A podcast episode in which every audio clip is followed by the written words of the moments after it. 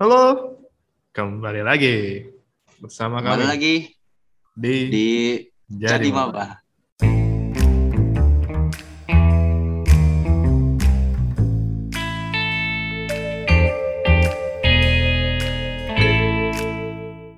Oke, Ih, barengan.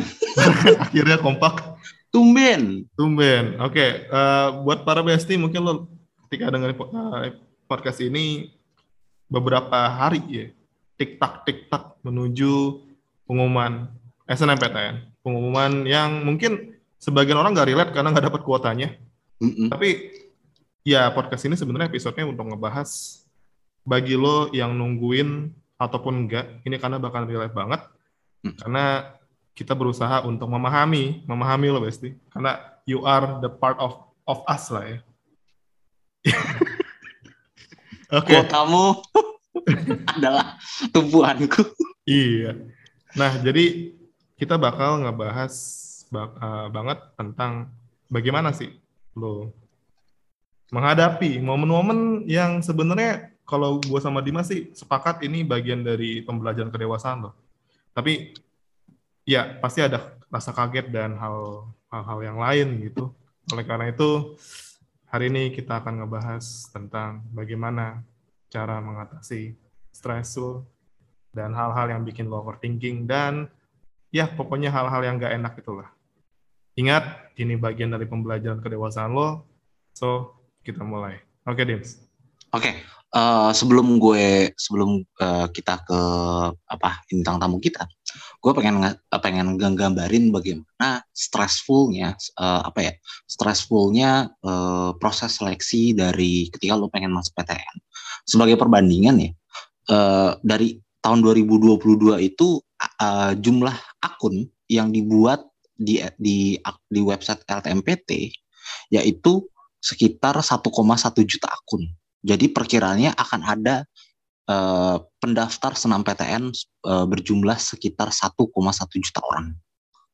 Jadi lo eh, kalau misalnya taruhlah kayak seper sepul eh, seper lim- eh, berapa ya lima persennya deh lima persennya adalah saingan lo berarti minimal eh, saingan lo tuh 500 ribu orang eh satu juta bener ya eh 50 ribu orang 50 Gitu. ribu orang. Sedangkan kursi yang diperebutkan, ini kalau kita ngomongin 2021 ya, karena 2022 itu belum keluar data resmi totalnya, gua nggak mau ngitung sendiri, banyak. itu sekitar 113.203 kursi, yaitu sekitar 10% aja. Jadi ini kan bisa dipastikan bahwa ada 9 ada 900 ribu orang yang bakal kecewa. Ya. Ya taruhlah pasti kecewa lah ya. Iya. S- eh, biarpun lo ya gua eh, daftar memang tidak berharap senam PTN kayak gitu kan banyak ya. Kecewa Tapi atau 900 ribu itu tetesan air mata gitu. iya 900 ribu tetes air mata. Wah, Itu bisa RT itu bisa Jakarta, pak. iya, Jakarta tenggelam itu. Seperti itu. Jadi jadi sekarang eh, pastinya kan kita juga di Twitter juga eh, sering kali Ya. eh, dapat eh, di manifest manifest itu sering kali dapat eh, apa ya kayak sambatan dari teman-teman besti besti ya besti besti eh, terkait dengan eh, apa beratnya meng- mengal- beratnya me- melalui proses seleksi ini karena proses seleksi ini kan lo nggak cuma duduk diem doang gitu ya tapi lo juga belajar itu juga ada stresnya sendiri belum lo belum lo buka medsos terus eh, mungkin Tekanan ada ada orang tua, tekanan dari orang tua. keluarga, ya, kayak yang gitu ya yang selalu yang selalu biasanya tuh selalu berlawanan arah dengan passion lo. Ya. gitu kan. Iya, terutama kalau misalnya lo ngambil jurusan-jurusan yang tidak pernah dikenal Iya, seperti jurusan saya sama Dimas gitu. kayak gitu. Nah, eh, karena kita berdua bukan ahlinya, kita Betul. berdua bukan ahlinya, Kita sadar. Ya. kita jagonya sleep call doang. Betul. Eh, ya, Eh, makanya kita sekarang ngundang di sini sekarang ada Mbak Nita. Mbak Nita ini eh, adalah psikolog, eh, psikolog eh, dari dari PKMUI ya Mbak. Ya, Apa sih Klinik namanya? Makara sekarang namanya. Oke, dari Makara. klinik klinik Makara Universitas Indonesia. Oke, eh, Mbak Nita, boleh nggak Mbak eh, apa kenalan dikit Mbak? Eh, sibuknya apa sekarang? Boleh nggak? Ke Boleh. biar besti besti lebih kenal. Satunya di Oke. mana, S2-nya di mana gitu. Oke, salam kenal buat semuanya, teman-teman yang mendengarkan podcast ini. Uh, saya nama agak lengkapnya Yuanita, ya biasa panggil Mbak Nita, sama mahasiswa UI gitu ya. Saya S1, S2-nya di psikologi UI. Sekarang ini masih terus aktif praktek psikolog klinis dewasa. Ya, jadi di universitas, kemudian juga ada di dua tempat lainnya juga gitu ya. Jadi uh, setiap harinya masih melakukan counseling uh, aja gitu. Hmm, Oke. Okay. Mbak, kalau misalnya umur 18 kan karena rata-rata anak SMA tuh umur sekitar 17 18 ya yang yang sekarang lagi dengerin kita. Itu masuknya ya. dewasa atau enggak sih kalau dari psikologi? Kalau itu masih usia remaja akhir ya. Hmm, oke okay, oke. Okay. Berarti ini masuk masuk masih masuk uh, ranah-ranah apa psikologi remaja ya? Ya, psikolog kerja, hmm. betul. Gitu. Oke. Okay. Mbak, uh, kita nih kita nih sering banget uh, terutama kalau misalnya yang yang aktif di medsos sering banget uh, denger kata stres gitu. Oh, ya kalau out sekarang.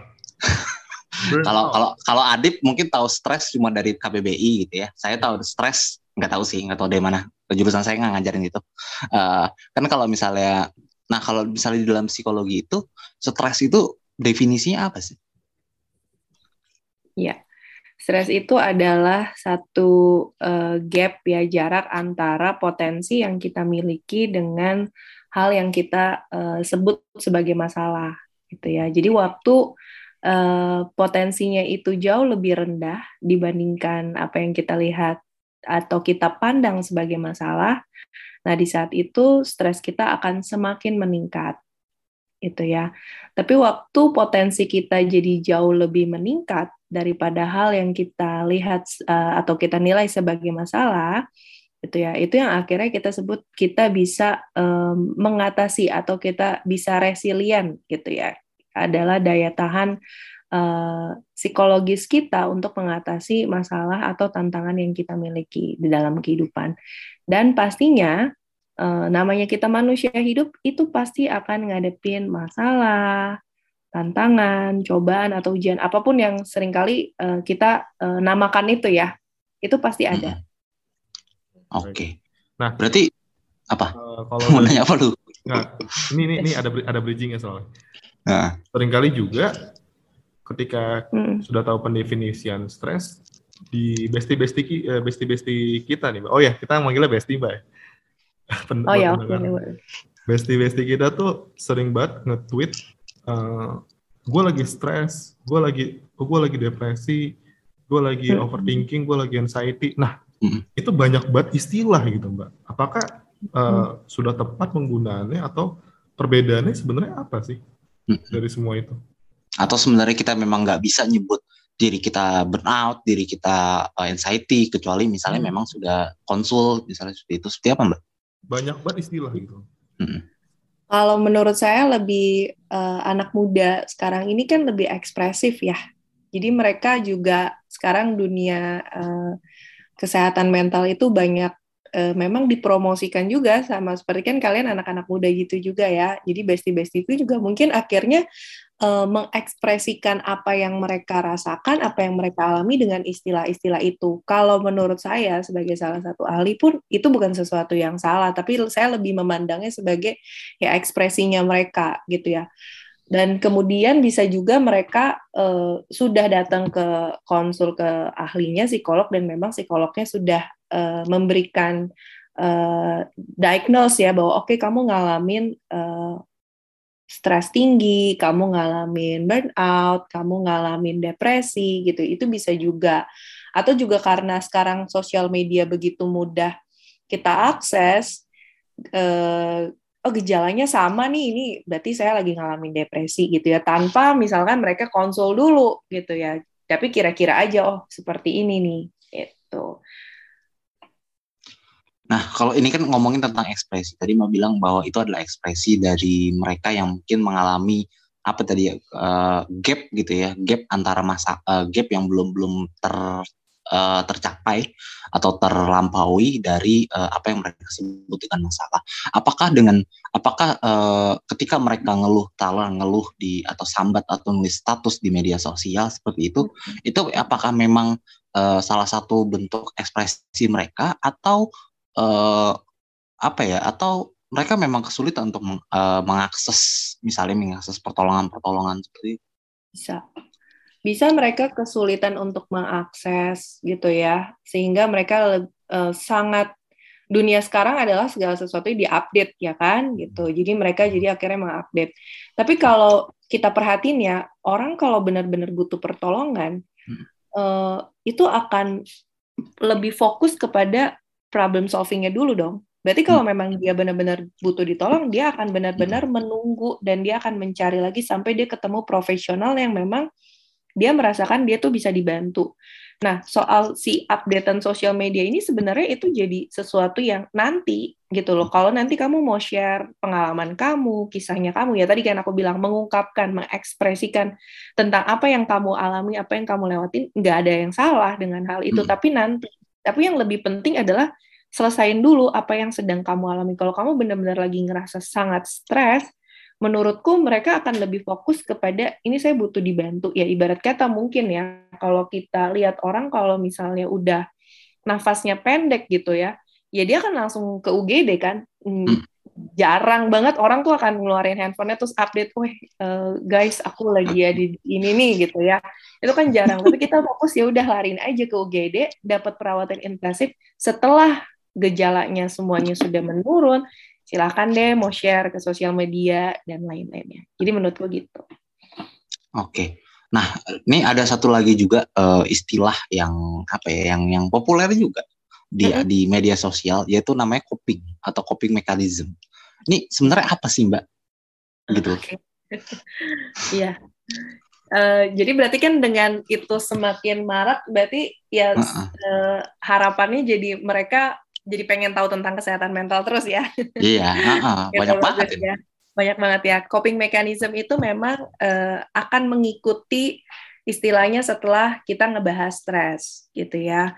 Bagaimana sih coping mechanism intinya adalah bagaimana kita bisa mengatasi stres. Jadi stres itu bukan untuk dihilangkan tapi untuk dikelola, untuk diatasi. Sama seperti masalah dan tantangan pasti kita miliki tapi gimana kita hmm. bisa ngatasin dan mengelolanya. Jadi coping mechanism itu ada dua, ada yang sehat, ada yang tidak sehat gitu ya. Ada cara orang yang mengatasi stresnya uh, itu dengan cara-cara yang tidak sehat. Misalnya denial, salah satunya itu mungkin bahasanya psikologis banget, denial lah. atau menyangkal oh, iya. ya. Jadi, aduh, saya nggak marah kok hmm. gitu, tapi nadanya naik gitu. Ya. Oh, saya nggak marah kok, saya nggak sedih gitu, tapi air matanya ngalir terus menerus gitu ya uh, saya nggak patah hati kok dengan dengan kondisi ini biasa aja biasa hmm. aja itu adalah bentuk dari denial gitu ya hmm. itu kami sebut sebagai coping mechanism yang hmm. akhirnya tidak sehat karena apa karena dengan coping mechanism yang tidak sehat tadi ya denial dari satu masalah dari satu realita ke realita lainnya akhirnya hmm. membuat seseorang itu uh, semakin lama recovery-nya gitu jadi masalahnya uh, bisa aja tingkatannya sebenarnya mulai dari ringan, tapi karena denialnya semakin naik gitu ya, akhirnya masalahnya jadi terasa sangat berat gitu. Mm-hmm. Kalau tadi kan Banita uh, ngebahas tentang sosial media juga nih, Mbak.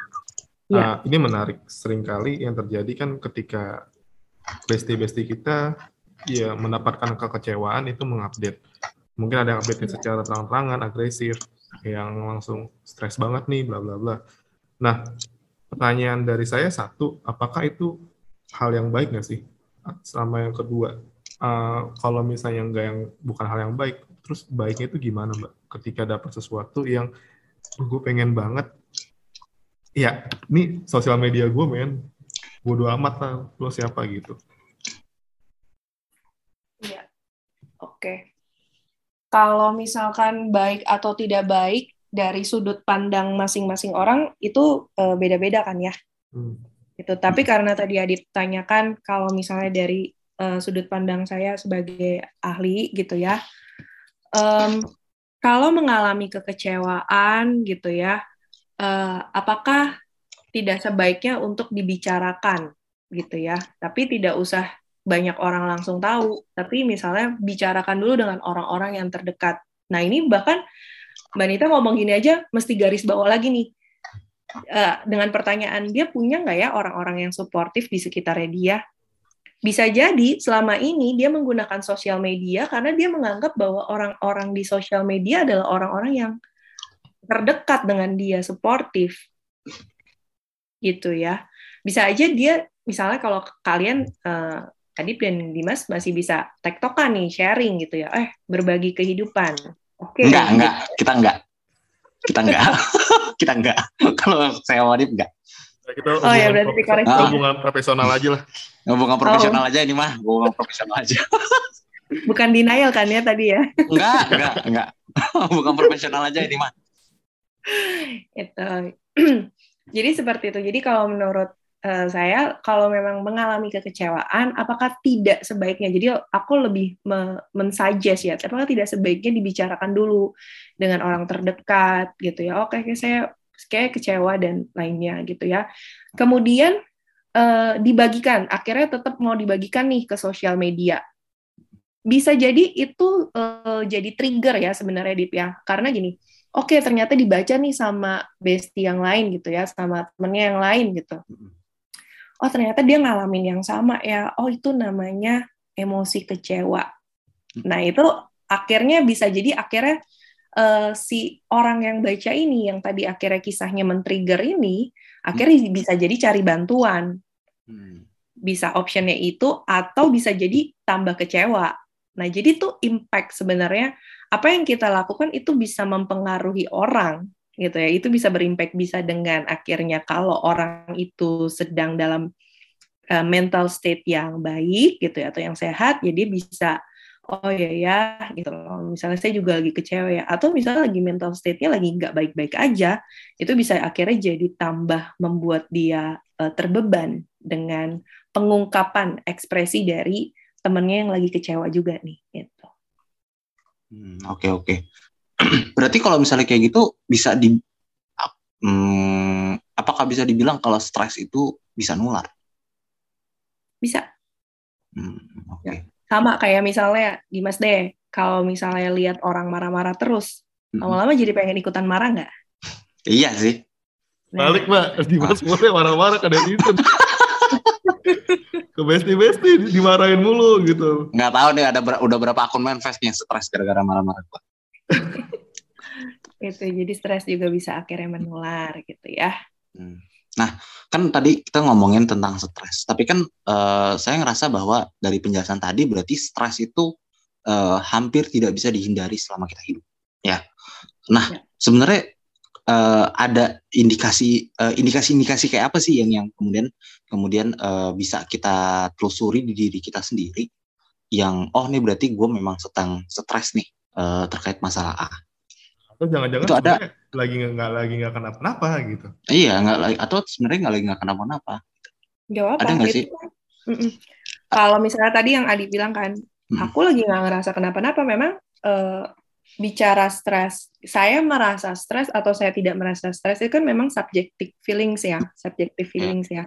Jadi memang boleh misalnya saya ngera lagi nggak ngerasa stres gitu kan is it okay? Nah uh, misalnya kalau oke okay, uh, eh, boleh cari bantuan gitu ya ketika misalnya udah mencoba cari jalan keluar tapi kok kayaknya hmm. ngerasanya berputar di uh, lingkaran yang sama terus ya hmm. gitu ya atau misalnya udah mulai menghambat bahkan fungsi sehari-hari misalnya udah makan males atau makan terlalu berlebihan gitu ya hmm. itu udah boleh aja cari bantuan dengan kondisi misalnya di sekitarnya juga minim orang-orang yang bisa support orang yang bisa dengerin gitu ya diakses hmm. aja. Sebenarnya seperti itu. Kalau uh, mengalami uh, stres tadi gitu ya. Jadi ngerasa udah mencoba cari jalan keluar dengan cara-cara yang dia tahu tapi tadi berputar di lingkaran yang sama terus menerus itu kan jadi akhirnya sama deh kayak kita mungkin kalau di labi aku kasih perumpamaan di labirin. Kalau kita nggak tahu jalan keluarnya ya kita akhirnya stres ada di kondisi yang kayak gitu terus menerus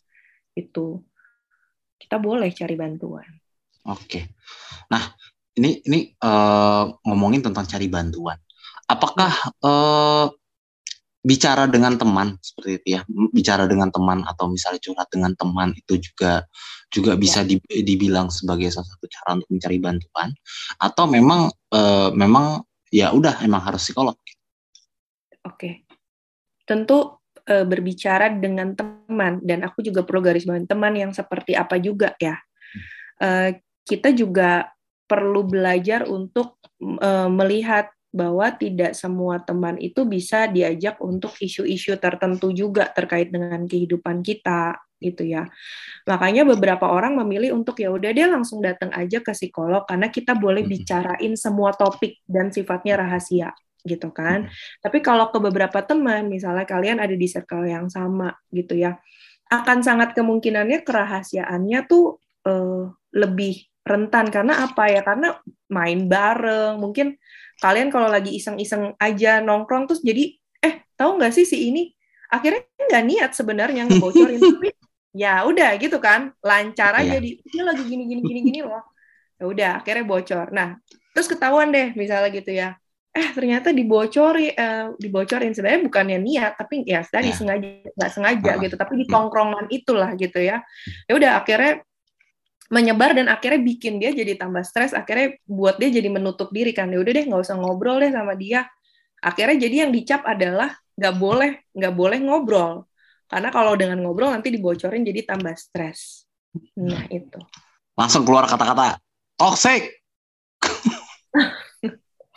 eh tapi mbak uh. Ng nih, nih kita jadi jadi ngebahas istilah dulu ya maksudnya nggak apa-apa mbak ya iya. karena karena karena gue mikir bahwa uh, terkadang gue mendapatkan informasi-informasi uh, terkait dengan istilah-istilah uh, kesehatan mental, tapi gue sering merasa ragu, uh, apa sering, sering merasa ragu bahwa apakah yang ngomong ini adalah memang ahlinya gitu. Seperti itu. Nah, kalau misalnya kita ngomongin tentang toksik, sebenarnya apa sih mbak yang dibilang toksik itu? Kadang, kadang kita ngerasa bahwa semuanya aja toksik gitu loh. Kayak teman lo, teman lo nyinggung dikit bilangnya toksik kayak gitu gitu. Apa apa memang itu benar memang begitu atau misalnya ada definisi lain sebenarnya yang dimaksud toxic?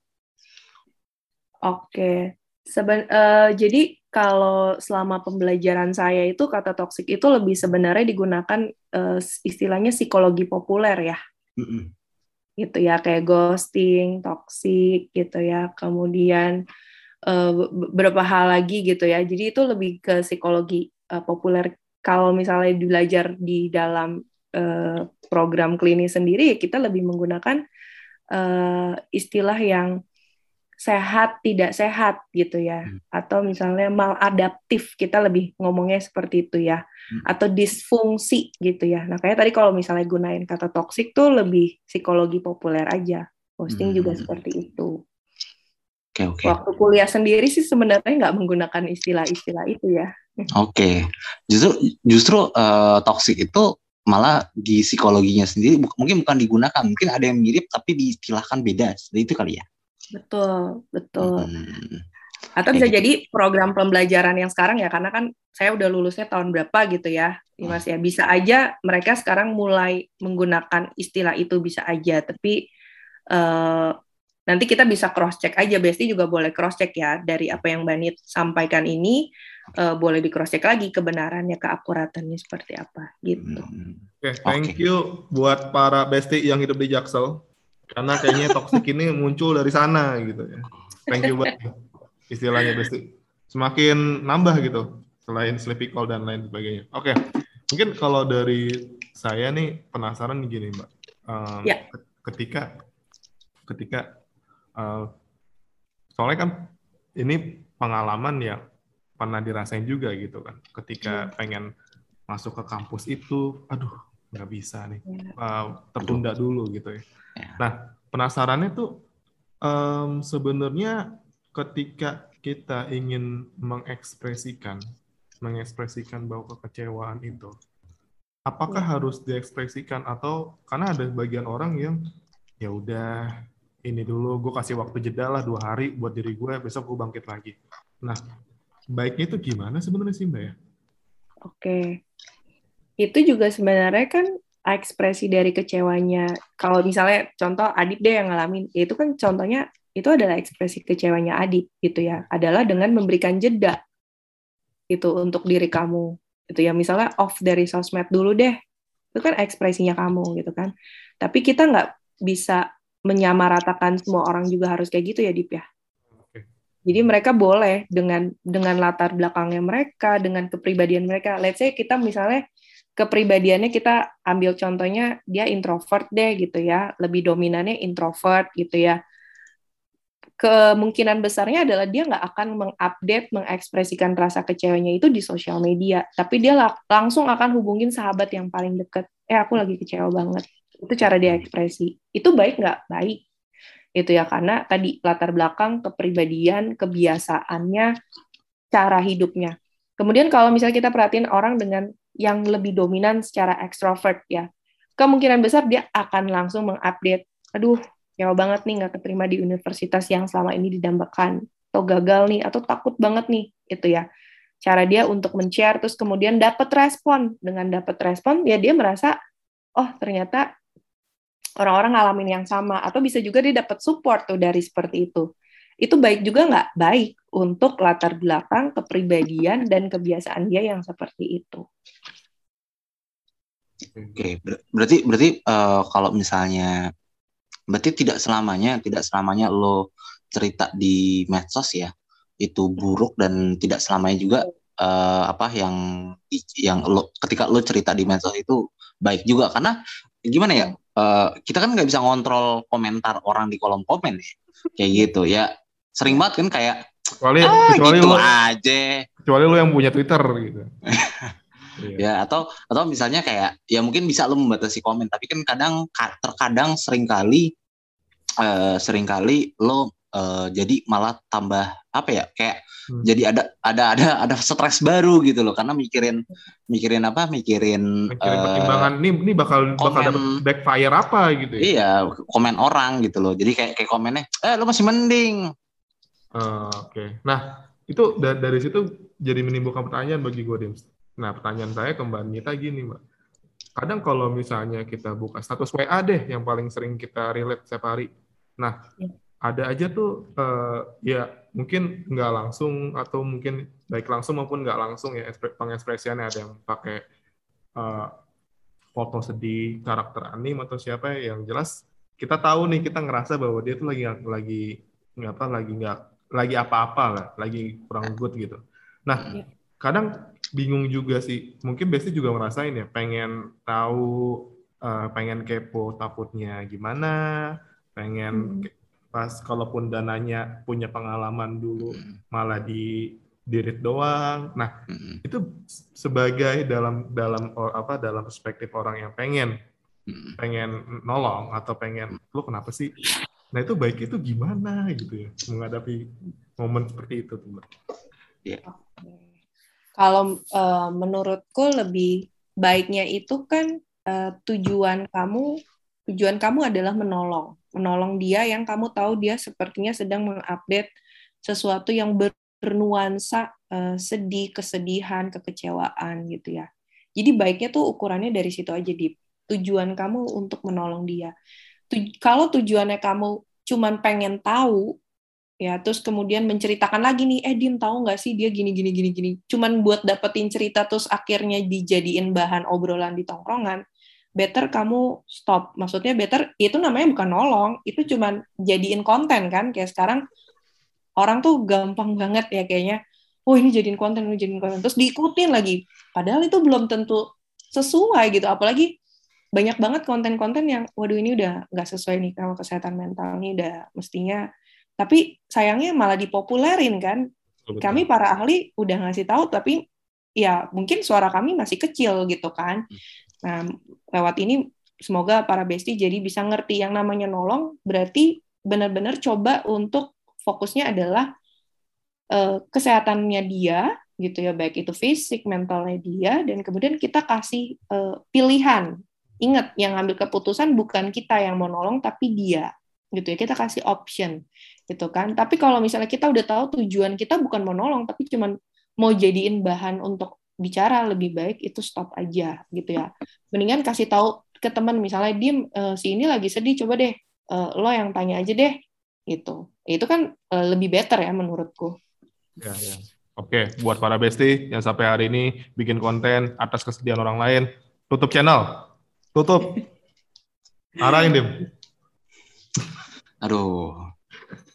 ntar di, di, di episode ini kita boleh gue boleh mengutuk orang gak sih gue biasanya mengutuk orang soalnya ya buat teman-teman ya itu nggak baik lah gitu ya dilakuin nggak usah dilakuin lah buat apa sih nggak lo lo nggak masuk PTN dengan cara kayak gitu bikin konten banyak teman-teman. Besti ah. bikin podcast. Ayo merasa podcast ini ada kurang kita nggak terima kritik silakan bikin podcast sendiri.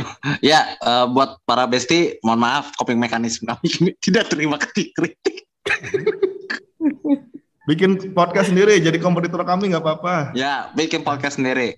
Gampang bikin podcast mah Okay. Nah, kalau misalnya kita ngomongin kita uh, mungkin kita mulai masuk ke apa kondisi sekarang. Kondisi yeah. sekarang itu kan uh, kalau misalnya kita mau ngomongin itu tadi gue udah sebutin juga bahwa uh, hanya tersedia 10% dari total pendaftar orang orang-orang yang mau masuk PTN negeri. Uh, itu hanya 10% berarti akan ada 90% orang yang merasa kecewa uh, yeah. ketika diumumkan pengumuman uh, senam PTN misal. seperti itu. Nah uh, sebenarnya yang gue pengen tanya adalah kan kekecewaan itu kita kita nggak bisa hindari, hampir kita nggak bisa hindari ya mbak. Pasti nggak ada yeah. orang yang berhasil terus dalam dalam masanya. Sebenarnya iya. apa sih yang harus kita lakukan ketika kekecewaan itu datang atau ada ketika ada apa ya stresor lah ya, stresor berupa kekecewaan atau kesedihan karena gagal ditolak itu datang, yeah. kita tuh harus ngapain sih? Lagi di jurusan yang pengen banget banget dan ya. banget gitu Iya, ya. Kalau menurut pengamatan aku dari uh, cerita-cerita mahasiswa ya, maksudnya ini udah jadi mahasiswa, tapi kan ini para besti mungkin yang lebih banyak denger yang belum jadi mahasiswa ya. gitu ya. Uh, ini lebih ke aku mungkin ke arah praktis ya, jadi nggak nggak teoritis buat besti yang mendengarkan adalah Pertama adalah perlu menyadari dulu, penting untuk sadar bahwa memang kamu kecewa, memang kamu nggak mendapatkan apa yang kamu inginkan, apa yang keluarga besar kamu inginkan, apa yang mungkin pasangan kamu inginkan. Kan kadang kita masuk universitas kadang bukan harapan kita, bisa aja itu orang tua kita, pacar kita, pacar kita di situ kita pengen ikutan gitu kan. Atau misalnya teman segeng kita. Jadi intinya kadang itu bukan benar-benar harapan kita. Jadi pertama lebih ke menyadari dulu gitu ya bahwa saya merasa kecewa ini. Tapi kecewanya seperti apa uh, eh, kecewanya ini memang karena itu tadi harapannya dari saya atau sebenarnya dari orang-orang di sekitar saya gitu ya yang kedua adalah memberikan kesempatan, kasih kesempatan lagi. Kalau misalnya di universitas yang kita dambakan, yang kita incar, yang kita inginkan memang tidak berhasil diterima, gitu kan? Itu bukanlah akhir dari kehidupan para besti, gitu ya. Mulai mengizinkan, coba lihat lagi yang lain, gitu ya. Uh, mungkin aku juga kadang uh, pakai istilah yang ini ya. Kadang kita diizinkan mengalami sesuatu untuk mendapatkan yang terbaik gitu ya. Ya ini biasanya ada di relasi-relasi ya. Ya mungkin uh, lo putus sama yang ini supaya lo dapetin pasangan yang lebih baik. Itu biasanya lebih sering umumnya di di relasi gitu ya. Nah ini pun kita bisa gunain ke kalau misalnya para besti ini nggak keterima gitu ya di universitas yang diinginkan cobalah untuk melihat universitas yang lain. Bisa jadi kalau misalnya di universitas yang sini ya emang nggak cocok gitu kan. Tapi ketika yang di univ yang lain gitu ya. Mungkin orang-orang bilang ah ini lebih rendah uh, apa ya mungkin tingkatannya nggak masuk ke 10 besarnya Indonesia dan lain-lainnya. Tapi bisa jadi dengan kehadiran Besti di universitas itu bisa aja kan langsung naik juga. Itu kan ada. Jadi cobalah juga untuk open minded gitu. Jadi cobalah untuk hidup itu tidak harus monoton yang sama nih. Misalnya pilihannya Adi harus sama sama Dimas. Kalau nggak sama berarti ya disingkirkan gitu. Ya, coba justru itu yang sering kali kan juga kita kita ikut pelatihan-pelatihan out of the box-nya itu ya. Nah, ini penting juga sih. Itu ya. Jadi mungkin itu beberapa baru dua tips sih yang bisa aku berikan. Pertama adalah sadar gitu ya dengan apa yang sedang dialami gitu ya. Memang oke okay, kecewa, oke okay, sedih, oke. Okay. Tapi yang kedua tadi izinkan untuk punya optional lain dan itu bukan akhir dari kehidupan juga terkait dengan universitas ini.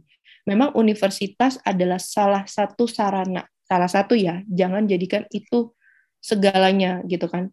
Memang ada istilah kalau kamu kuliah di sini gitu ya, udah pasti kamu akan jadi orang sukses, berhasil dan lain-lainnya.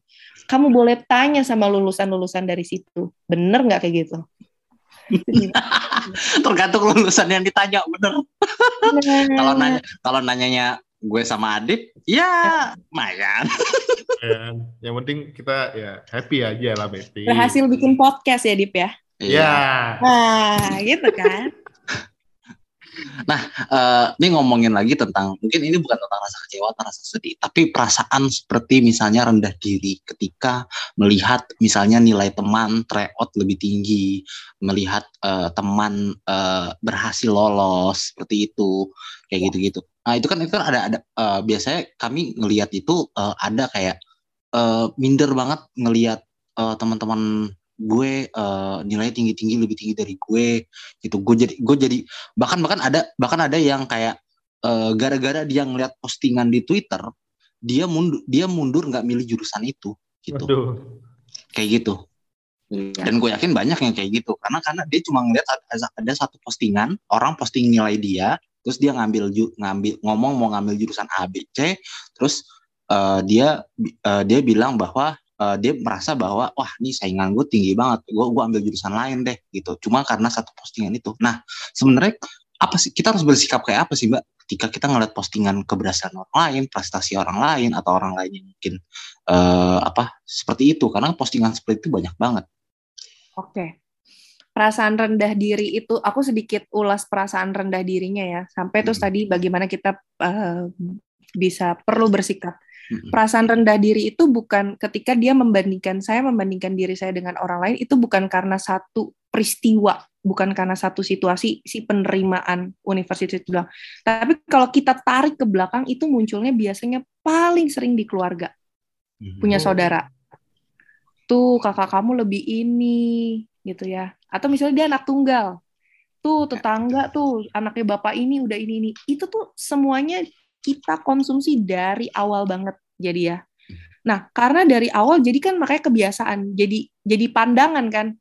Oh, kalau ada orang lain yang mengupload yang uh, kasih kabar ini berarti dia udah pasti berhasil, dia udah pasti gini gini gini gini gitu. Karena memang sejak awal kita di keluarga tuh udah diperkenalkannya kamu akan lebih baik kalau kamu melakukan ini. Si ini lebih baik dari kamu, si ini. Jadi dia nggak nggak pernah lihat tadi yang aku bilang di awal potensinya dia nggak pernah bisa mau menggali potensinya, dia nggak kenal potensinya, jadi nggak heran kan kalau akhirnya dia melihat dirinya apa ya yang perlu dibanggakan, apa kualitasnya dari diri aku. Nah makanya tadi tuh sumber perasaan rendah dirinya tuh sebenarnya bukan hanya karena satu peristiwa, tapi itu udah jadi makanan di awal yang sering kali tidak disadari tapi bertumbuh, bertumbuh di dalam pikirannya dan perasaannya yang akhirnya ketika nih momennya nih gitu ya. Oke, momen momennya tuh bisa muncul kapan aja. Misalnya kalau di podcast ini berarti momennya pas lagi penerimaan. Klimaks banget nih momennya itu muncul, terus perasaan rendah dirinya hadir banget deh. Jadi udah kayak kombinasi akhirnya mungkin beberapa teman-teman yang akhirnya eh, nggak uh, mendapatkan, akhirnya drop banget secara mentalnya salah satunya. Itu ya BTW, Besti juga perlu tahu, waktu kita drop secara mental, fisik kita juga akhirnya akan drop karena fisik dan psikologis itu sangat sekali terkait. Nah, menjawab yang tadi ini Mas juga tanyakan, gimana sih baiknya kita bersikap dengan teman-teman yang um, berhasil uh, masuk ke universitas yang mereka harapkan, ke jurusan yang mereka mau dan lain-lainnya. Kalau perilaku sehatnya, ya kita kasih selamat. Eh selamat ya kita komen kan, eh selamat ya kamu dapetin, atau bahkan kita memberikan doa gitu kan, itu sehat kan kita mengakui bahwa orang lain itu berhasil mendapatkan apa yang jadi impian mereka. Nah, sering kali yang teman uh, para besti lupa adalah mereka juga bisa aja melewati banyak proses yang mereka tidak ceritakan di sosial media, tapi mereka hanya mengupload hasil akhirnya. Itu yang para besti juga perlu uh, telusuri gimana sih Adib sama Dimas kok bisa ya? Maksudnya sampai ke titik ini podcastnya sampai ini itu juga perlu dicari tahu apa yang membuat mereka itu bisa sampai sini itu kan? Jadi sebenarnya adalah perilaku sehatnya adalah ya diakuin dikasih apresiasi didukung gitu ya. Kalau perlu yang kedua adalah kita minta bantuin eh boleh bantuin nggak? Uh, ini aku pengen ngulang lagi nih tes yang selanjutnya biasanya kan kita akan minta dukung doa gitu ya doain ya atau misalnya eh bantuin dong ajarin atau misalnya kemarin kayaknya gue nggak bisa nih tes yang ininya boleh bantuin nggak? Itu yang kedua. Jadi kita saling support aja. Jadi kita bukan mengembangkan ya tadi eh, seperti saling mau menjatuhkan gitu ya. Ah enggak dia mah dapetinnya cuman gara-gara bapaknya dosen aja makanya dia bisa ini. Jadi kita jadi nggak mau mengakui gitu bahwa memang teman kita pinter kok gitu kan? Yeah. memang mau dibilang mau bilang dia beruntung ya nggak apa-apa. Akuin aja eh dia beruntung ya dia bisa dapetin ini gitu. Tapi jangan lupa dia juga usaha kan? Dia yeah. datang ke tempat tesnya dia kerjain uh, ujiannya kemudian dia submit dan lain-lainnya. Dia belajar kok gitu. Okay. baik. Nah buat Besti kalau misalnya butuh pengakuan, validasi, kita butuh support, add jadi maba, kita bantu itu. Ya. Kenapa jadi bantu itu? ya, itu, itu dia butuh, paling. Dia butuh dia dia butuh semangat, coy. Kalau mau butuh semangat pun mention kami. Kami semangatin. ya, boleh. Ya, setelah boleh. setelah maksud gua setelah setelah mendengar segala apa uh, pendapat dari Banita, gue langsung kayak nih kayaknya menarik nih Twitter jadi maba tuh untuk untuk mensupport ya dan lebih peduli lagi terhadap kesehatan mental gitu Dims. Boleh. Ya sering-sering uh, uh, mention kami kita retweet minimal kita like. Makin rendah. ya ya min, ya kalau perlu kita pin kalau pengen minta dipin kita pin. Ya selama lemahnya iman di, di like lah. Ya. nah uh, apa tapi tapi jadi inget gue gue uh, uh, karena tadi ngobrolin uh, tentang itu jadi gue jadi inget uh, terkadang juga uh, kan ini proses apa ya proses belajar SMA tuh uh, dengan berbagai macam uh, apa mata pelajarannya dengan berbagai macam uh, apa berbagai macam uh, tekanan segala macam tentang yeah. nilai segala macam yang terukur seperti itu kan kadang juga kita sering banget ngelihat ini demot banget uh, apa uh, belajar tapi ya gue harus tetap harus belajar gitu loh tetap harus belajar karena karena ya gue mau masuk mau SBM, gue mau ujian, gue mau mau apa mau tes seperti iya. itu. Jadi, nah, kebayang banget tuh kayak misalnya lu udah ya oke okay, lu sedih nggak dapat hmm. undangan UTBK hmm. oke okay. ya. pengen belajar udah udah udah megang pulpen nih hmm. 10 5 menit 10 menit tetap dar gitu ya. dar gitu kayak gitu kayak kayak tiba-tiba ya mungkin itu mungkin itu salah satu apa ya karena stres kemudian berpengaruh ke fisik kan tadi kan yeah. Manita juga bawa Nita bilang uh, bahwa itu sangat terkait ya sangat terkait dengan dengan apa uh, semuanya seperti itu nah kalau misalnya terkait dengan demot belajar gitu-gitu uh, gimana Mbak Nita? Iya orang kehilangan motivasi belajar juga uh, sumbernya bisa beda-beda ya. Hmm. Ada yang misalnya uh, kalau mahasiswaku uh, misalnya ngelihat ngedengerin tiap hari orang tuanya uh, berantem itu kan juga melelahkan sekali gitu ya. Uh, terus kemudian ada juga yang ngerasa aku udah belajar setiap hari tapi nilainya masih uh, di angka 60 70 gitu kan. Jadi akhirnya mulai putus asa ya kan? Kehilangan motivasi juga. Jadi sumbernya di masing-masing orang tuh bisa uh, beda-beda ya dimnya gitu Nah, eh, pertama lagi tadi, dan yang penting sadar dulu, wah saya udah kehilangan motivasi nih.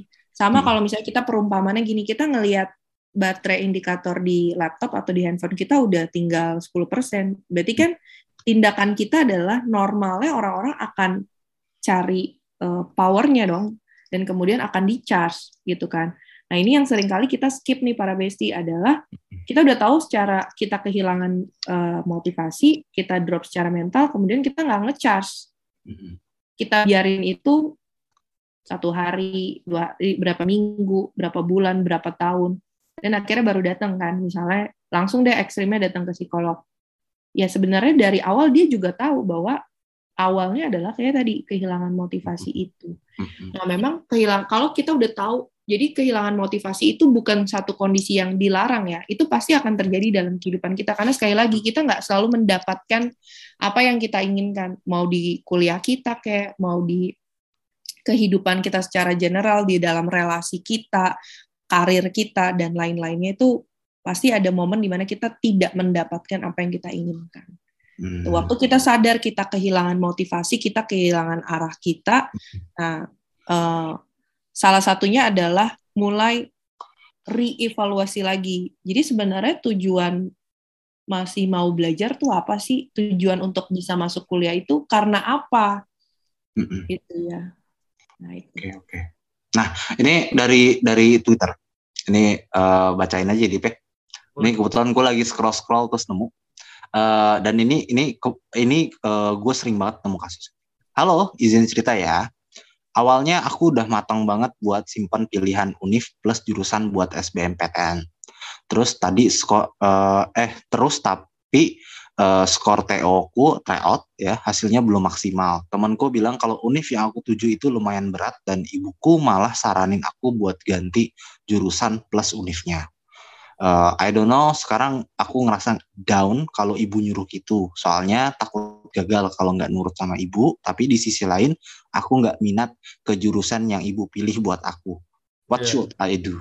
Iya, sebab mungkin uh, beberapa besti punya pak pandangan kuat gitu kalau misalnya ya gue nggak mau bilang ini pandangan konservatif, tapi sering kali kan ya apa ya ridho ibu tuh ridho Tuhan juga gitu. Ya Jadi kayak kalau misalnya misalnya ngikutin permintaan nyokap, ya pasti nanti meskipun gue nggak suka, Mm-mm. pasti nanti gue suksesnya di situ. Gitu. Ya kayak gitu. Atau misalnya kayak apa ya kayak eh mungkin jadi jadi kita kita kita kehilangan eh gue sering merasa bahwa eh, orang-orang ada beberapa yang eh, merasa kehilangan eh, support dari orang-orang yang dia pikir seharusnya yang ya adalah orang-orang pertama yang nge-support dia kayak teman orang tua seperti itu. Ini ini kasus ini sering kali kita eh, kami lihat di eh, Twitter. Nah, sebenarnya ini gimana Mbak kalau misalnya ini yang yang yang apa yang jadi salah satu stresornya orang tua nih gitu loh. Iya, betul. Jadi eh, karena kan kita dari dari transisi ya dari SMA kemudian kita akan kuliah gitu ya. Jadi sebenarnya banyak juga orang tua yang nggak sadar dan nggak siap melepaskan anak-anaknya gitu ya. Nah, karena tadi eh, salah satunya bisa jadi punya pandangan yang tadi Adit bilang karena ridho ibu adalah apa Dip? Ridho Tuhan juga. ridho Tuhan juga gitu kan. Jadi kalau punya pandangan gitu, nah bahkan ada juga eh, mahasiswa yang bilang gini kalau nggak ngikutin saya disebut anak durhaka gitu ya. Hmm, ya itu betul. langsung jumping to conclusion ya bahwa wah kalau nggak ngikutin udah langsung anak durhaka. Tunggu dulu gitu loh, tunggu dulu. Apakah ibu kamu me- melakukan survei? Hmm. Nah, gitu kan kita juga boleh mulai eh, menurutku anak-anak sekarang tuh bukannya kalau aku ya ngelihatnya mereka bukan ngebrontak ya, tapi mereka lebih kadang sering juga berpikir kritis. Apa iya dengan ibu memilihkan jurusan ibu ngelakuin survei nggak? Nah makanya ini penting di mana pun selalu komunikasi. Yang namanya udah perbedaan pendapat penting dijembatani dengan komunikasi. Gitu ya.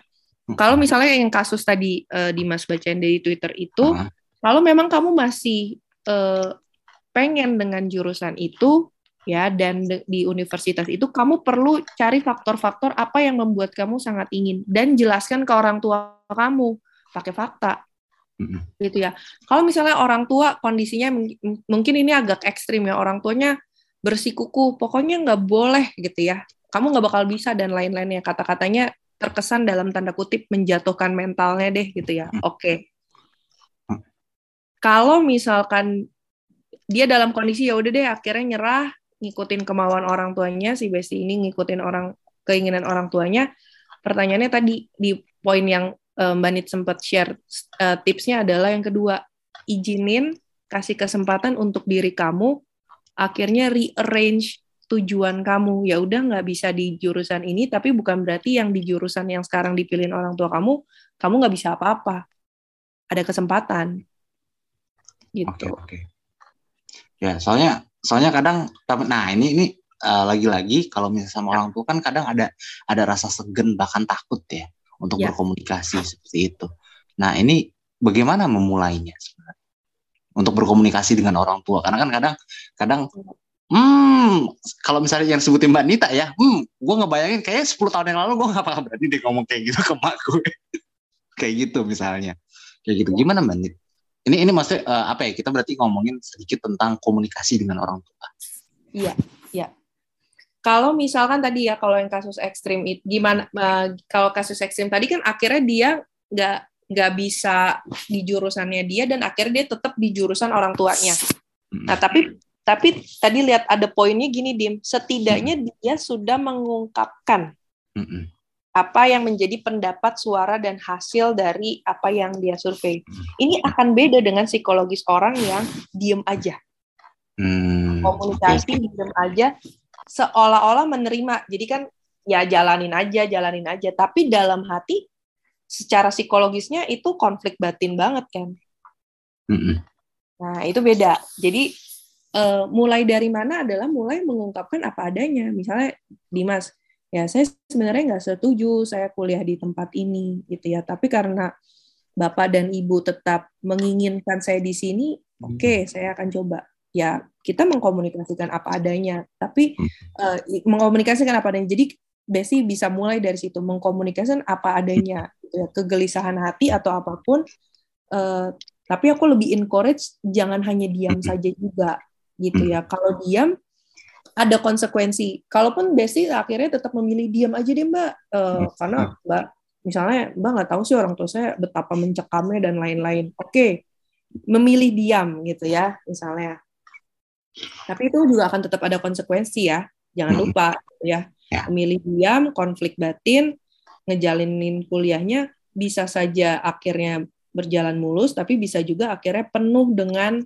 eh, ya Hmm. hal-hal yang tidak sehat juga gitu ya ya malas ke malas ikutin kelas nilai-nilai yang nggak optimal ya ya karena itu adalah konsekuensi itu Hmm.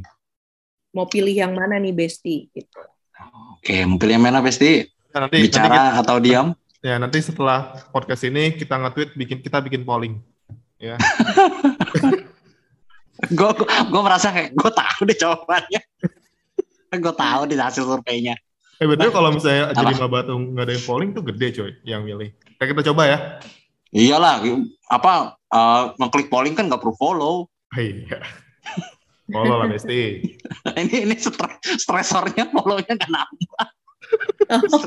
Stresor Iya. kita, nih, aduh follower ini interaksi interaksi apa interaksi tiap postingan ratusan ribu yang follow tiga Iya, itu Hmm. menarik. Tolong tolong buat dari jurusan psikolog ya, mahasiswa UI. pengen pengen apa pe- eh, kehabisan topik buat skripsi, tolong ini di di, di Ya. diteliti. Kami butuh Ya. kami butuh kami butuh sumber ilmiah. ya stres admin medsos menghadapi kurangnya follower Iya loh. Iya kan. Ah, Oke, nah, balik lagi. eh, balik lagi eh, ke ini Eh, sebenarnya tadi udah banyak udah beberapa tips yang yang memang Hmm. dikasih eh, sama Mbak eh, Nita. Eh, kalau misalnya kita ngomongin lagi eh, masalah eh, stres, stres ini maksudnya stresnya terkait dengan media sosial gitu. Apakah eh, matiin medsos itu membantu nggak sih Mbak? Soalnya kadang nih, kadang gue merasa kayak ini capek banget nih, kayak kayak gue merasa kayak overwhelmed. Ya, gue merasa berlebihan, sudah berlebihan mengasap medsos. Tapi gue baru 10 menit atau 20 menit, eh enggak 10 menit, 20 menit sih, maksudnya baru-baru sejam, dua jam. Nggak itu tiba-tiba Tangan gue merasa bergetar. kepo aja itu, kepo. Tangan kayak- bergetar. bahkan bahkan bahkan kayak kayak kepo jadi maba udah nambah berapa ya? Kayak gitu. Kadang kadang kadang kadang ketika ketika kita ketika kita ngeliat medsos seperti itu merasa merasa overwhelmed tapi di satu sisi baru sebentar aja eh, kita sudah merasa Ya, eh, keter- kita merasa ketergantungan kita tuh terlalu tinggi. ah, ketergantungan kita terlalu tinggi seperti itu. Dan ini juga juga di banyak banyak yang merasa kayak gue bakal ketinggalan informasi penting nih kalau misalnya gue nggak akses medsos dalam sejam dua jam misalnya gitu Eh, jadi nah apakah apakah memang paradoks gitu. Nah iya makanya makanya jadi gue eh, eh, matiin medsos stres nggak matiin stres gitu. Apakah memang matiin medsos itu salah satu solusi atau gimana? Jual Sebenarnya. HP, jual HP. Kalau di- ditanya dalam kasus-kasus yang sudah terlalu parah dengan matiin medsos adalah solusi nggak? Solusi gitu ya. Tapi kalau tadi ngomongin kasusnya Dimas aja ya. Kalau Dimas kan berkaryanya memang melalui medsos, jadi memang perlu ngecek kan. Jadi Betul. Ada berapa nih followersnya? Terus kemudian kita mau eh, kon- apa topiknya apa lagi nih yang memang sekarang ini banyak teman-teman butuhin kan kalian juga berangkat juga dari kebutuhan-kebutuhan teman-teman para bestie juga gitu maksudnya ya. Nah, jadi mungkin sedikit tips dari aku adalah uh, sering kali kan buat dua account ya. Satu account Hmm. misalnya memang terkait dengan pekerjaan kalian gitu yang di dunia sosial media yang memang- dibutuhin. Satu lagi ya mungkin bisa dibilang account yang lebih kalem kali ya. Jadinya eh, nggak terlalu banyak eh, informasi yang random gitu ya. Jadi kalian memang udah batasin. Kalian khususnya batasin misalnya Dimas lebih pengen oh info-info tentang eh, misalnya Mbak Nita aja deh info tentang kesehatan mental aja ya udah. Yang aku follow accountnya kesehatan mental aja jadi topiknya udah jelas spesifik itu aja. Nah tapi kalau untuk yang satu lagi yang memang khusus buat aku kerja untuk karena memang sosial media adalah tools aku untuk mempromosikan ya udah itu berarti banyak hal gitu ya. Tipsku lebih gitu sih eh, Dim. tapi kalau misalnya sudah sangat kecanduan ya eh, saranku adalah kasih jeda Hmm. gitu ya. Karena segala sesuatu yang candu itu tadi ya akhirnya mungkin kayak yang Adit bilang ya sampai akhirnya kayak gemeteran banget kayak nyari banget. Kayaknya handphone nggak boleh di bawah eh, 10% misalnya sampai seperti itu. Jadi nah itu hati-hati tuh ya di bagian itu. Sepertinya para besti ada beberapa yang mungkin sudah sampai mengalami itu perlu hati-hati karena gini. Akhirnya kalian akan eh, melewatkan realita kehidupan. Ya sesuatu yang lebih real. Jadi itu yang akhirnya membuat seseorang mengalami gangguan dalam eh, segi kesehatan mental.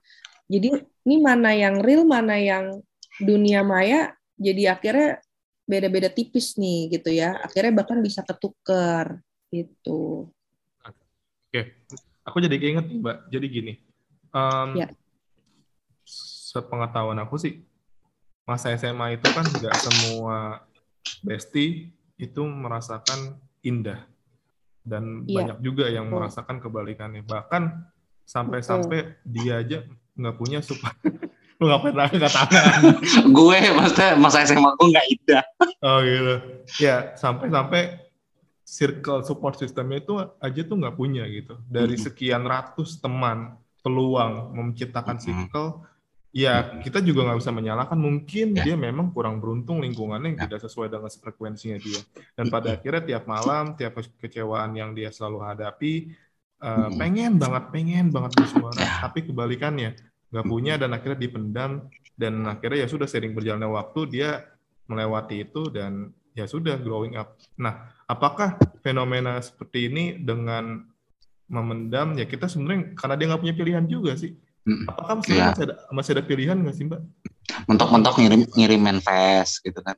Iya, sebenarnya re- karena main PES udah, udah ini juga mager gitu. Udahlah, Iya. males gitu. Ah, ah. Gitu doang balasannya gitu. Pasti beda kan kalau misalnya punya support system yang secara hi- apa human being Hmm. gitu. Lu ngomong sama manusia coy. Gitu. Berarti berarti ini ngomongin tentang bagaimana mencari eh, support system ya. Kayak gitu. Ya bisa bisa Hmm. bisa. Mm-mm. Mm-mm. Iya. Iya makanya tadi juga ini ya ya Dip ya. Eh, memang tidak semua da- kita nggak bisa menyamarkan. Pokoknya manusia tuh unik lah ya. Masing-masing Ya. punya keunikan dengan latar belakang yang beda. Gitu ya. Tadi yang Adit juga bilang nggak semua para bestie juga memiliki masa SMA yang indah. Itu Bandit juga ngerti banget, relate banget ya. Karena itu cerita-cerita mahasiswa yang real juga gitu ya. Ya. Eh, tapi buat aku setidaknya ya aku selalu kadang pakai garis bawah kata setidaknya tuh berusaha mencari support system gitu ya. Eh, berusaha sudah berusaha mencari bantuan gitu kan.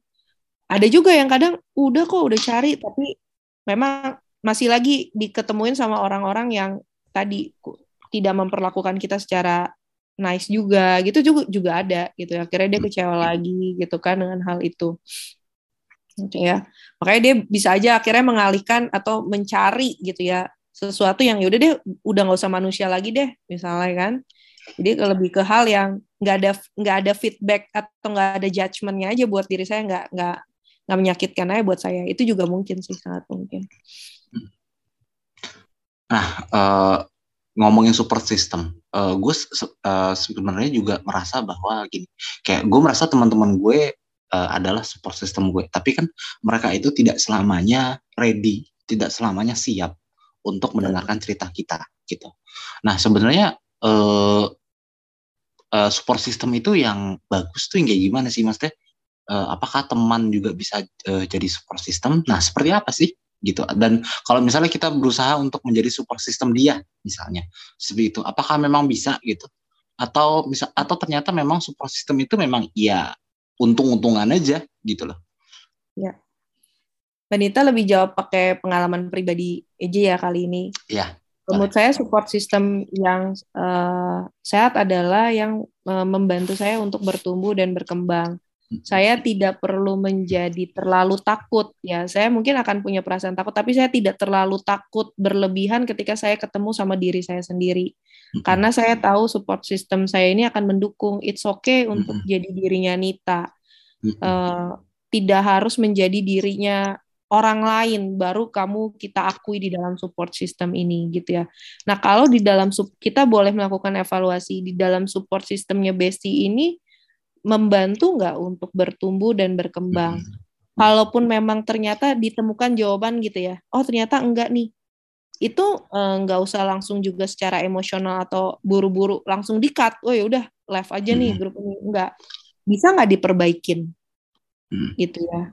Kalau misalnya memang bisa diperbaikin, bisa jadi ya sesama teman-teman kita nggak ngerti apa ya bertumbuh ke mana mau berkembang gimana nggak. Mungkin sama-sama nggak ngerti ya. Makanya kita sama-sama cari tahu. Gini loh kalau misalnya uh, hal yang sehat tuh seperti ini gitu ya nah di dalam diskusiku juga dengan support system adalah bertanya menurut kamu kehadiran saya ini membantu nggak?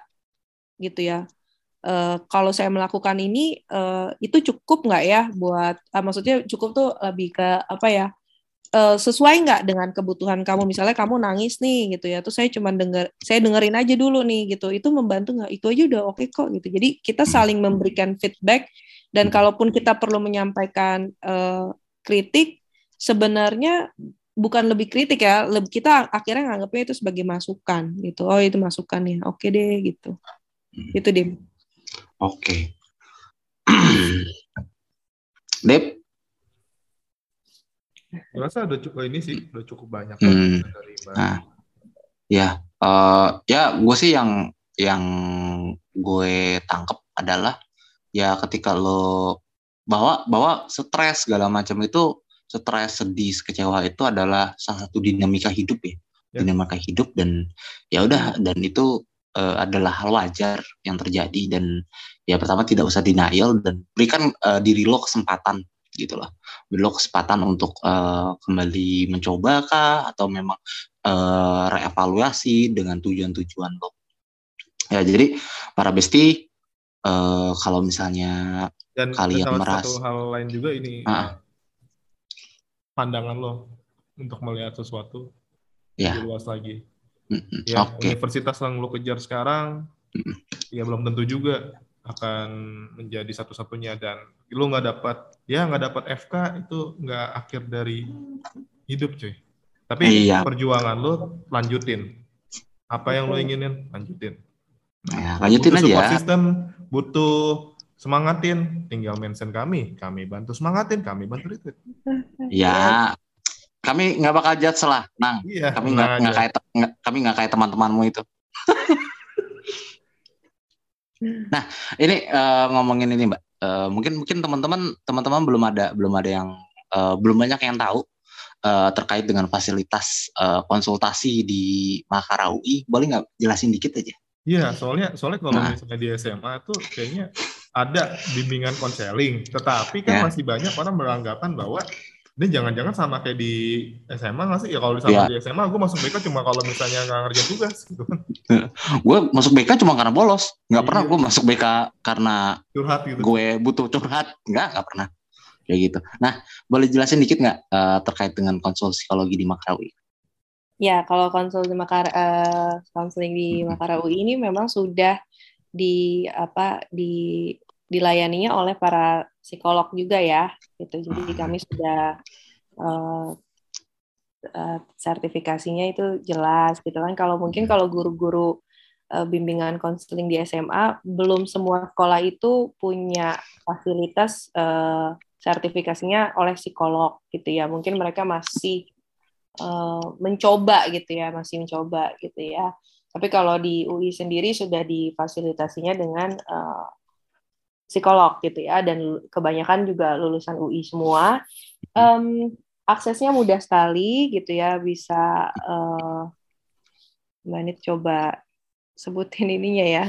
Coba ya itu bisa akses uh, kemudian biasanya akan daftar dulu ya seperti daftar kemudian isi form hmm. gitu ya. Nanti kemudian admin konseling akan menghubungi mahasiswanya gitu ya dan kemudian akan uh, tinggal melakukan sesi dan karena sekarang ini di masa pandemi semua sesi uh, lebih banyak menggunakan uh, online gitu ya. Hmm. Seperti okay. itu aja sih kurang lebih tahapannya uh, hmm. sangat um, mudah ya. Maksudnya tinggal ikutin aja sih pasti hmm. dipandu sama adminnya. Hmm, oke okay, oke. Okay. Jadi berbayar nggak mbak? Masih untuk kalau, mahasiswa UI? Kalau untuk mahasiswa UI dan untuk warga UI gratis dan kami belum membuka untuk umum memang. Iya. Gitu. Oke, okay.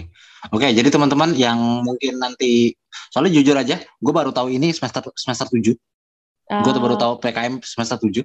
Untung PKM, selamat. PKM. Ya. PKM, PKM. Iya, dulu namanya PKM. Dulu namanya PKM. Nah, namanya, namanya PKM. Uh, untung, untung selamat gue lulus juga.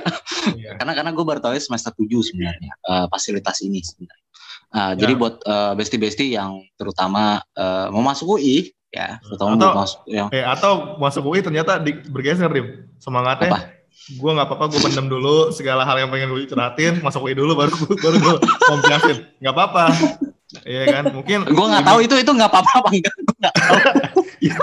Ya, Seenggaknya kan punya motivasi gitu loh. Ya Enggak, tapi kenapa motivasinya lo pengen konsul di PK di Makara UI keliling Makara ya atau atau enggak ini pengen apa uh, dikonsultasi langsung sama wanita ya bisa juga gitu ya. kan.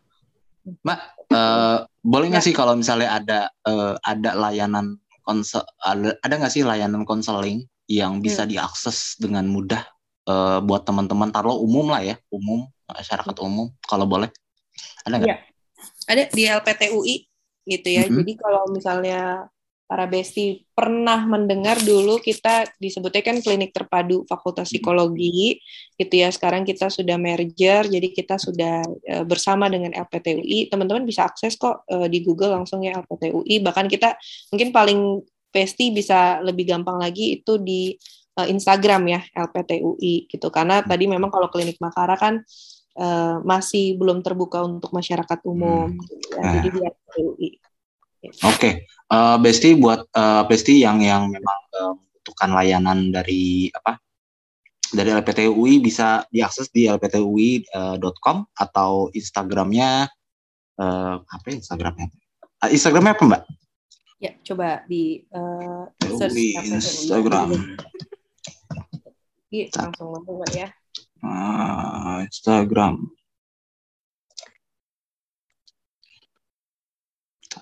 Oh, nah, uh, ya. Instagramnya uh, lpt.ui. Jadi teman-teman bisa bisa uh, cari informasinya di situ. Kalau misalnya pengen apa, pengen uh, cari tahu tentang kesehatan mental kalian atau memang benar-benar membutuhkan bantuan, bisa menghubungi ke sana ya. Jadi teman-teman, ya. uh, bantuan pertolongan itu sangat bisa diakses dengan uh, dengan tek, uh, kemajuan teknologi sekarang. Jadi uh, please banget kalau memang kalian butuh bantuan, kalian kalian memang uh, lagi nggak ada teman untuk bercerita, kalian bisa banget mengakses ini. Oke, nah, nah ini menarik nih, gue pengen nanya lagi okay. ke Mbak Nita soal ini. Ini ada bridging yang menarik. Kadang Mbak uh, ada stigma bahwa ya. orang yang pergi ke psikolog, apalagi kan anak SMA ini belum tahu psikolog itu seapa sih. Mungkin uh, dari pengalaman saya, kalau hmm. orang udah ke psikolog itu kayaknya lu lu ngapa Bray? Sampai ke psikolog gitu. Lu ada apa sih Besti? Lu gila. Lu gila gitu. Nah ya. jadi uh, orang yang pengen mungkin dengar podcast ini pengen menghubungi tapi takut dengan hal-hal seperti itu terlebih kepada anak SMA ini calon-calon maba. Nah itu bagaimana? Atau ada pesan dari Manita sendiri? Iya uh, jadi kalau misalnya teman-teman itu melihat psikolog itu sebagai penolong ya itu uh, kenapa enggak untuk bisa berdiskusi tentang kehidupan ini yang uh, penuh dengan up and down juga uh, ke psikolog gitu ya. Jadi si pen, penolong ini melihatnya sebagai penolong.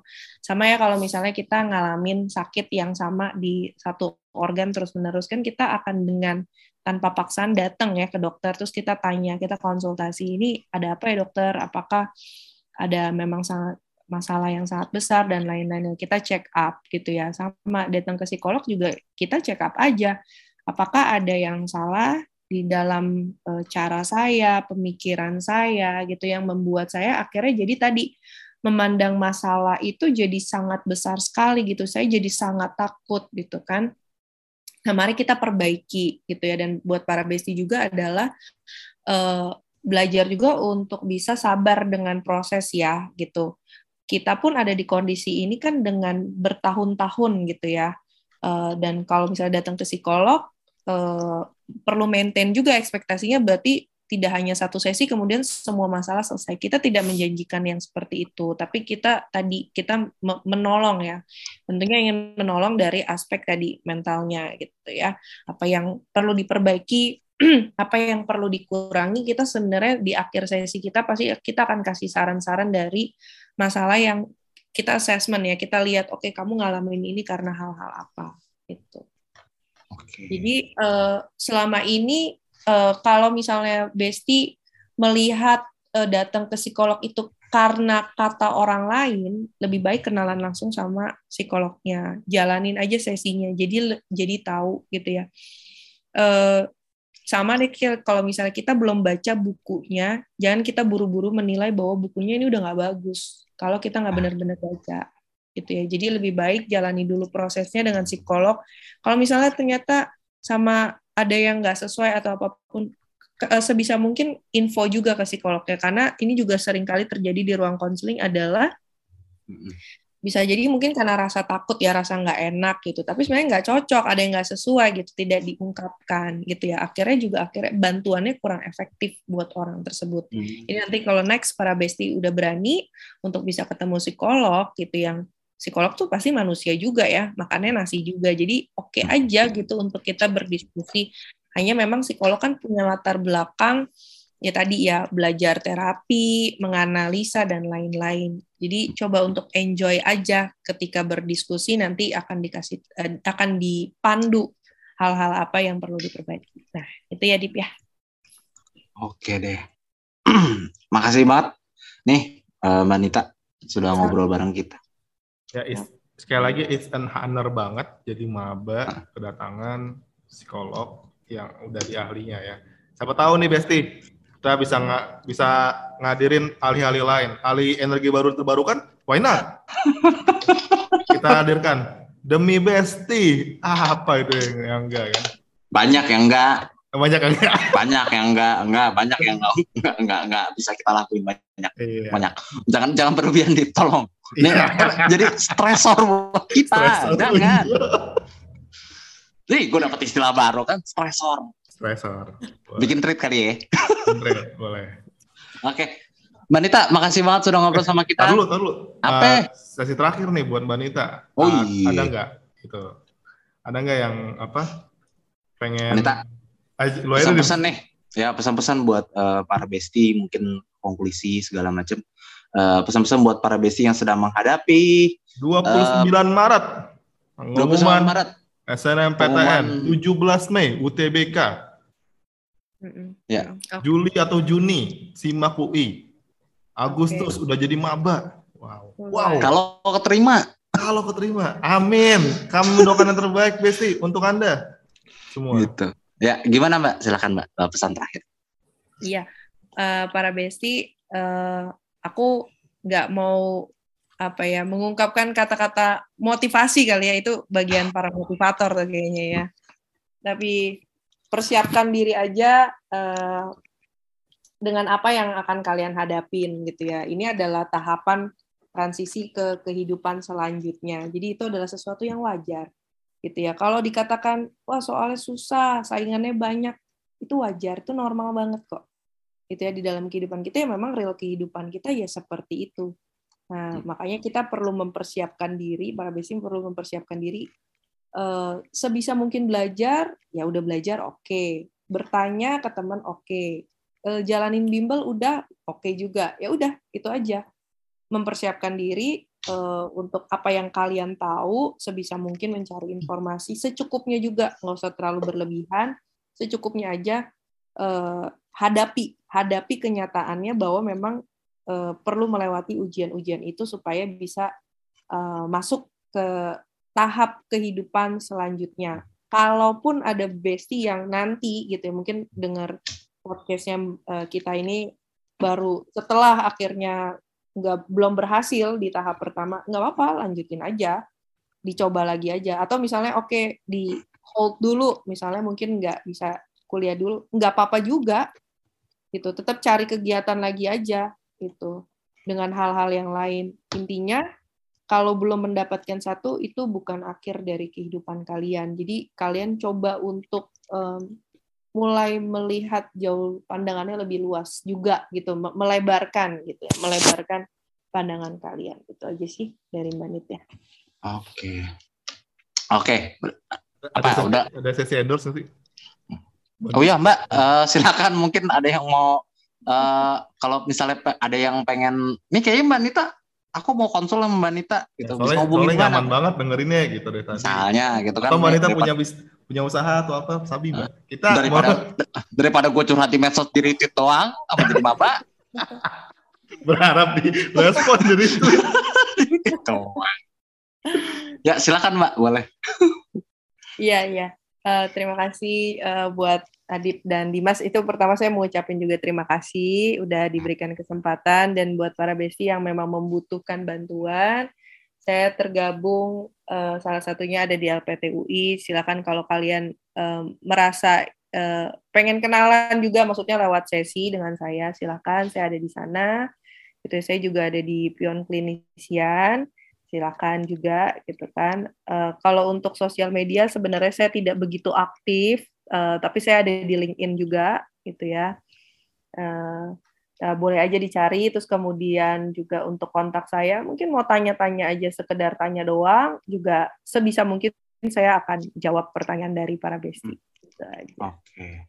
ya silakan uh, best para besti yang mau menghubungi ya tapi uh, besti uh, sesi konsult uh, saya gua nggak uh, saya nggak tahu nih kalau misalnya ya. kita daftar LPT itu apakah psikolognya tergantung yang tersedia atau kita bisa milih? Maksudnya saya pengennya Mbak Yonita misalnya. Ya, itu gimana sih? Bisa bisa ya tapi ya. Berarti bisa, bisa ya. Oke. Okay. Ya udah bisa mungkin nanti uh, besti kalau misalnya butuh uh, butuh pengen konsul konsul atau sesi konsultasi dengan Mbak Yonita bisa menghubungi LPT atau ya. uh, apa tadi namanya? Ya, Pion Klinisian.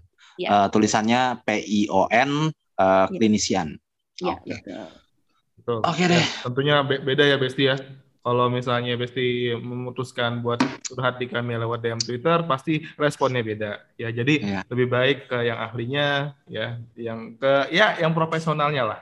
Kalau kami mungkin nanti ya gimana tahu sendiri kan Besti ya. Ya, Twitter kami tahu sendiri kan Besti. ya, enggak uh, Besti jangan jangan deh kalau misalnya mau kontrol gitu. Kalau misalnya misalnya kalian itu ya, uh, follow aja kalau misalnya kalian pengen tahu tentang informasi tentang podcast ini. Ya itu aja cukup. Ya kalau misalnya yang lain silakan follow Mbak Yonita silakan follow yang lain. PTUI ya, ya PTUI boleh silakan gitu. Okay. oke terima kasih teman-teman. Uh, besti-besti yang sudah dengerin uh, jangan lupa jaga kesehatan. Jangan ke mana-mana kalau misalnya nggak nggak apa nggak penting-penting banget ya pandemi masih ada. Ya saya feeling Dan, di rumah saya feeling dengan cara yang baik lah ya. Saya ya. feeling coy healing. Jangan ke Bali mulu healingnya. Iya. Ke Lombok gitu. Masih banyak loh destinasi destinasi uh, wisata yang perlu diperkuat. Iya mau ke, ke Perpus UI misalnya mau apa ya. mau mau ngelukis setelah ya, ya. Mau dari kami kami support selalu. Semoga ya kalau misalnya episode ini tayang di tanggal-tanggal 20-an ya seminggu lagi semoga kami yang berharap yang terbaik buat Besti ya. semua. Ya, semoga kita bisa ketemu uh, di lain waktu kali ya enggak kali aja udah offline kan? Udah offline kita bisa jadi pembicara di UI kan? Ih saya dengerin kakak. Yes. ih bangga banget. Bangga banget. Oke okay. udah. Ya terima kasih ya semuanya. Bye bye bye bye bye bye